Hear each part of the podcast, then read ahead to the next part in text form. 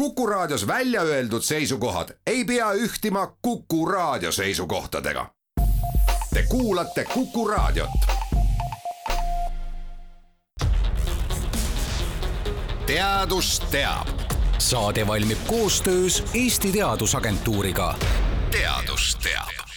tere, head Kuku raadio kuulajad, tänasest on teisipäeviti eetris teadussaade nimega Teadus teab ja see saade valmib meil koostöös Eesti Teadusagentuuriga ja eesmärk on siis rääkida lähemalt teaduse rakendusvõimalustest ehk siis sellest, millist kasu võib teadus meie päris elule anda. ja täna on meil niisugune sissejuhatav saade ja külas on Eesti Teadusagentuuri juhatuse esimees Anu Noorma, tervist tervist! ja Viktor Muuli, kes on Teadusagentuuri nutika spetsialiseerumise valdkonna juht, tervist! tere! kui alustada, ütleme niimoodi, et päris algusest ja rääkida sellest, et mis asi see teadus siis õigupoolest on, siis kõigepealt minule meenub niisugune koolis õpikust pärit lause, et teadus on maailma tundma õppimise viis Anu, kas teie vaatest äh, on see ka nii, kas lisaksite midagi juurde sellele? ja see on täitsa õige, mis õpikus kirjas oli, et kindlasti üks roll teadusel on äh, see, kuidas me maailma tundma õpime. aga teaduse jaoks ilmselt igaüks on enda peas valmis mõelnud oma, oma definitsiooni aga kui me nüüd vaatame, kuidas me siin äh, formaalselt rahastajate poolelt seda vaatame, siis kindlasti on teaduse tegemisel sellised äh, märksõnad nagu, et see peab olema tegevus, mis on uudne, see on loominguline, see tulemus on mõnevõrra ettemääramatu, see peab olema süstemaatiline ta on korratav tegevus, et need tunnused on need, mida me siis defineerime teaduse jaoks äh, sellises ametlikus kõnepruugis. Viktor, kas äh, sinul on midagi juurde lisada enda valdkonnast või sellest, millele sina oled spetsialiseerunud, sellele teaduse definitsioonile? jah, kui siin õpikus on ta öelnud nagu pigem niimoodi, et, et kuidas äh, maailmast oleks mõistlik ja ratsionaalne aru saada enam-vähem niimoodi, nagu meie olemasolevad parimad teadmised seda maailma kirjeldavad, siis, siis seda õpikus toodud määratlust võib täiendada veel ka sellega, et, et, et teadus on, on, on selline tegevus, mida teevad siis teadlased, väga targad inimesed ja siis selle teaduse tegemisel on siis laias laastus nagu kaks eesmärki. et üks eesmärk on siis see, et, et saada uusi teadmisi noh, teadusteadmised käivad kokku, et saada siis uusi teadmisi meid ümbritseva maailma kohta ja, ja, ja teine siis on siis seotud ka nüüd tegelikult natukene selle ühiskonna poolega, on siis see, et, et kuidas siis nüüd neid olemasolevaid teadmisi uudselt majanduses või ühiskonnas laiemalt nagu rakendada teadusega on niimoodi, et see tundub olevat mõnikord ikkagi nagu päris keeruline, et kui lugeda sellist teadusartiklit, siis neid mõisteid on seal väga palju, on selliseid väga spetsiifilisi mõisteid. et, et noh, ei tundu alati olevat selline väga-väga lihtne asi, millest kohe aru saada, aga kuidas selline teadus kui oma keerukustega, et mismoodi ta siis meie ühiskonda sellisel moel nagu teenib kindlasti, kindlasti on teadus keeruline. üldse elu on ju keeruline, aga see, et ta ühiskonda teenib, selle mõistmine ei ole eriti keeruline. kui me ainult äh, mõtleme selle peale, mil, mis teeb meie igapäevase elu äh, mugavaks, mis äh,, mis teeb mis on teinud läbi aegade inimeste jaoks elamise kergemaks, mis äh, kaitseb meid äh, kõikide nende ohtude eest, mis looduses äh, inimest ähvardavad või mis on andnud võimaluse, et inimeste eluiga läbi, läbi aastatuhandete on järjest kasvanud, siis kõige selle taga tegelikult ongi teadus. ja teadus ei ole selline mingi, mingi asi kuskil iseeneses, et need teaduse protsessis tekivad teadmised elavad ikkagi inimeste peades. ja praegu, kui me oleme jõudnud sellisesse infoühiskonda, siis, siis teadmised ei ela enam ainult teadlaste peades, teadmised jõuavad kõikide tarkade inimesteni ja oleneb nüüd ainult inimesest endast, et kui palju ta tahab süveneda, kui palju ta suudab, kui palju ta oma võimeid edasi arendab, nii palju saab ta siis ka mõista või omalt poolt panustada sellesse ülemaailmsesse teadmiste pagasisse erinevus tekib tegelikult selle koha peal, kui me mõtleme, et, et kust need ressursid selle teaduse tegemiseks peaksid tulema. ja kui teadusagentuuri poolt me vaatame ikkagi konkreetselt neid, neid ressursse, mida siis riik annab inimestele selleks, et nad teadustööd teeksid Eh, Viktor Muuli, eh, olete nutika spetsialiseerumise valdkonna juht, et eh, see nutikas spetsialiseerumine, et mis, mis asi see üldse on? see on nüüd selline tore mõiste, millest erinevad inimesed saavadki nagu hästi erinevalt aru. Kui seda nüüd niimoodi lihtsamalt püüda nagu lahti seletada, siis siis see mõiste tuli sellisel kujul, tuli meile, tuli Euroopa Liidust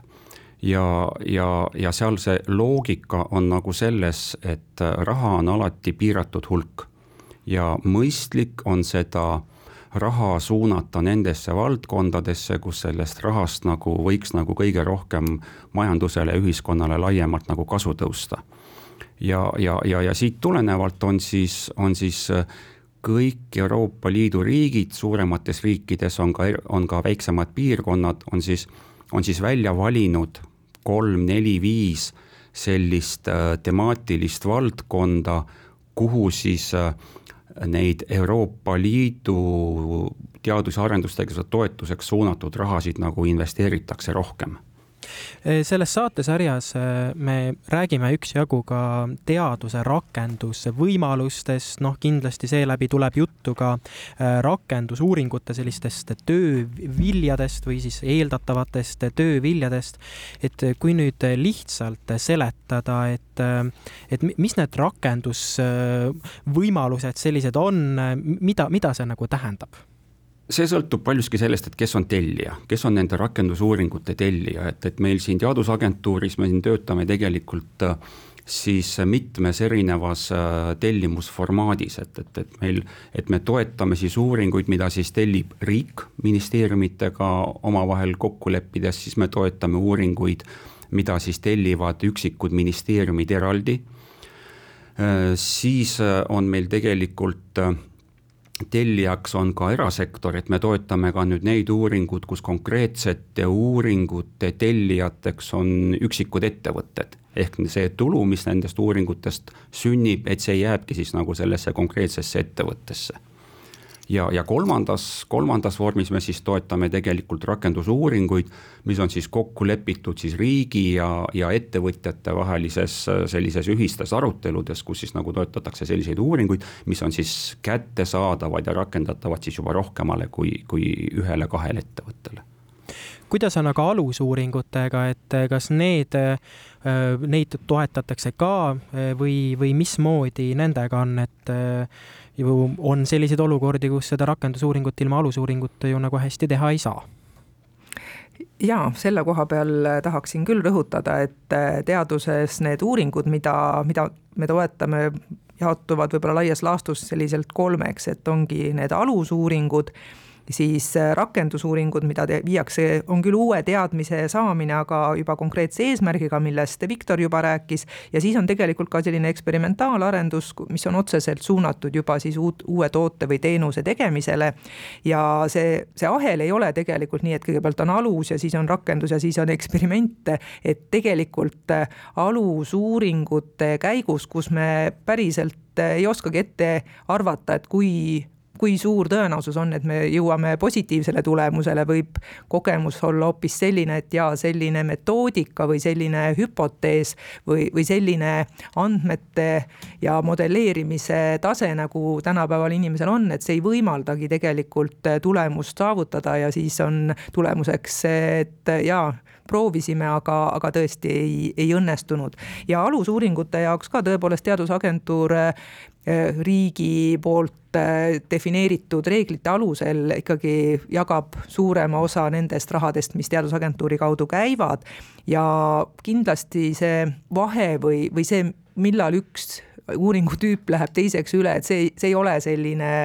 lihtne, range, selgelt määratud matemaatilise valemiga, vaid need uuringud nagu sisalduvad üksteises. ja see tegelikult tähendab seda, et teadus on äh, iga riigi jaoks äh, kultuuri osa et äh, see moodustab sellise tervikliku ökosüsteemi ja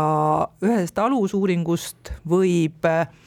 mõne aja jooksul välja kasvada mitu erinevat rakendust, aga, aga võib ka juhtuda, et et alusuuringuid on vaja teha aastakümneid, enne kui on jõutud sellisele tasemele, et, et seal tõepoolest mingisugune potentsiaalne rakendus võib toimuma hakata. ja sellepärast ongi oluline, et riik toetaks neid sellise suure riskiga seotud uuringuid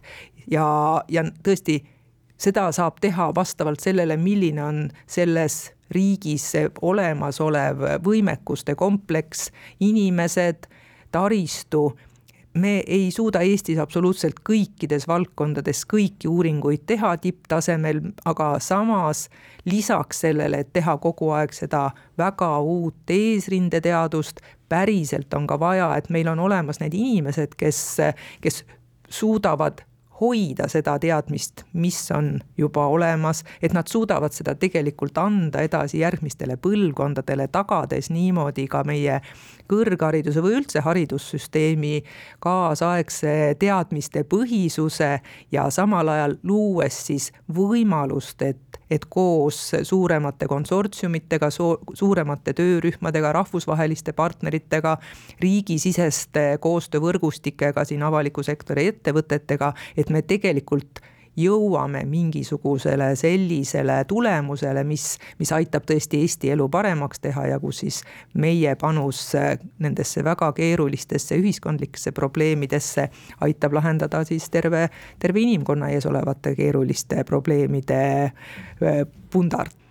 ja lõpetuseks eh, sellises teaduse terviklikus ökosüsteemis on kindlasti väga oluline osa ka sellel, et eh, milline on see teadlaste ja ettevõtete koostöö, et eh, kuidas teie teadusagentuuris seda hindate, et missuguses seisus see on? noh, kõige lihtsam vastus on see, et alati saab paremini. kui me nüüd vaatame seda, et kui palju meil ettevõtteid annab Statistikaametile teada, nad tegelevad teadus-arendustegevusega, siis neid ettevõtjaid on meil alla kolmesaja ehk, ehk kui me nüüd võtame seda, et, et kui meil niimoodi ametlikult alla kolmesaja ettevõtte deklareerib, et nad teevad teadus-arendustegevust, siis me võime ilmselgelt öelda, et, et see arv on liiga väike. tegelikkuses on see arv on ilmselt natukene suurem Äh, see, see, see koostöötase, et, et sest see koostöö teadlaste, ettevõtete vahel ei pea alati olema rahaline, see võib olla ka nõuandev roll, see võib, see võib olla mingi töötajate koolitus, mis iganes, et, et, et et äh, aga jah, alati võib paremini. ma võib-olla omalt poolt täiendaksin siin ka just nimelt seda selle protsessi olemasolu, et juba see on väga tähtis, et meil tegelikult äh, nagu tunnustame avalikult riigi poolt ka inimeste tasemel need teadlased, kes teevad ettevõtetega koostööd või ettevõtted, kes on äh, valinud selle keerulise tee ja hakanud oma tooteid-teenuseid teaduspõhiseks disainima, et, et see on tegelikult pikk protsess. Ja praegu me oleme juba Viktori poolt mainitud selle uue TAIE strateegia äh, alusel valinud ju üheks äh, fookusteemaks just nimelt teadmussiirde, et meil on Eestis äh, teadussüsteem, meil on